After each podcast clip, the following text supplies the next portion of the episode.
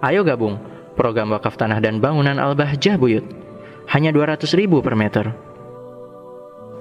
Wa annal wajib 'alal insan. Kewajiban bagi manusia itu cuma satu. Apa? Ayyasbiru ala halatai ala halati dharra wa sarra. Sabar tatkala tertimpa musibah dan juga sabar tatkala dalam keadaan lapang atau sen senang. Sudah tugasnya manusia itu sudah bersabar sudah. Kalau lancar, show, syukur. Kalau susah, peret, sempit, sa sabar. Wis gitu aja sudah. Ya. Makanya orang yang bersabar dia akan naik pangkat yang begitu dahsyat di hadapan Allah Subhanahu wa taala. Maka sudah ayo kita belajar sabar. Sabar dari hal apa pun khususnya adalah hal uji-ujian.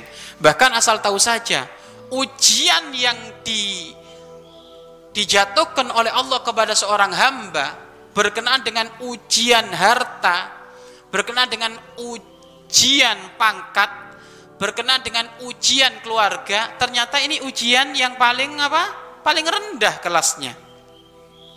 Kelas ri, ringan. Tapi kadang orang diuji di kelas ringan ini malah banyak yang tidak sukses.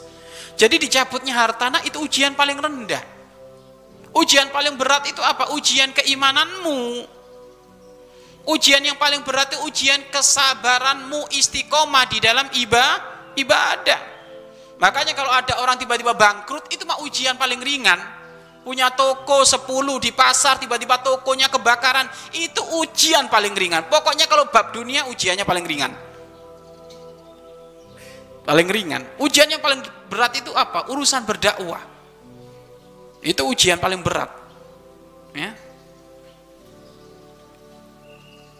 Makanya kalau engkau diuji dalam urusan dunia, maka udah nyantai. Ini ujian-ujian paling ringan. Tinggal engkau tetap bersabar husnudzon kepada Allah sambil nunggu solusi dari Allah, solusi dari Allah. Karena semuanya sudah dikasih solusinya oleh Allah. Tidak perlu engkau mengambil jalan pintas. Jalan pintas itu apa? Lupa Allah. Akhirnya datang ke dukun ngerawat tuyul. Nah ini, nggak ada, nggak ada perlunya kayak gitu.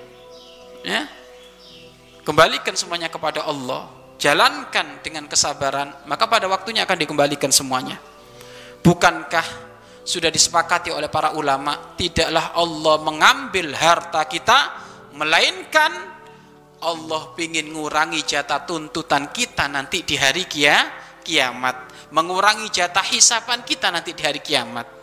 Dunia yang kita miliki, beberapa merek dunia yang kita miliki, ada merek A, ada merek B, ada merek C, sampai mereknya Z, itu jangan dikira nggak ada tuntutannya di hadapan Allah. Semuanya ada tuntutannya itu, ada hisapannya di hadapan Allah. Lah kalau sekarang kita dunia kita beberapa merek itu diambil oleh Allah, maka nanti kalau sudah diambil oleh Allah ini nggak akan dihisap.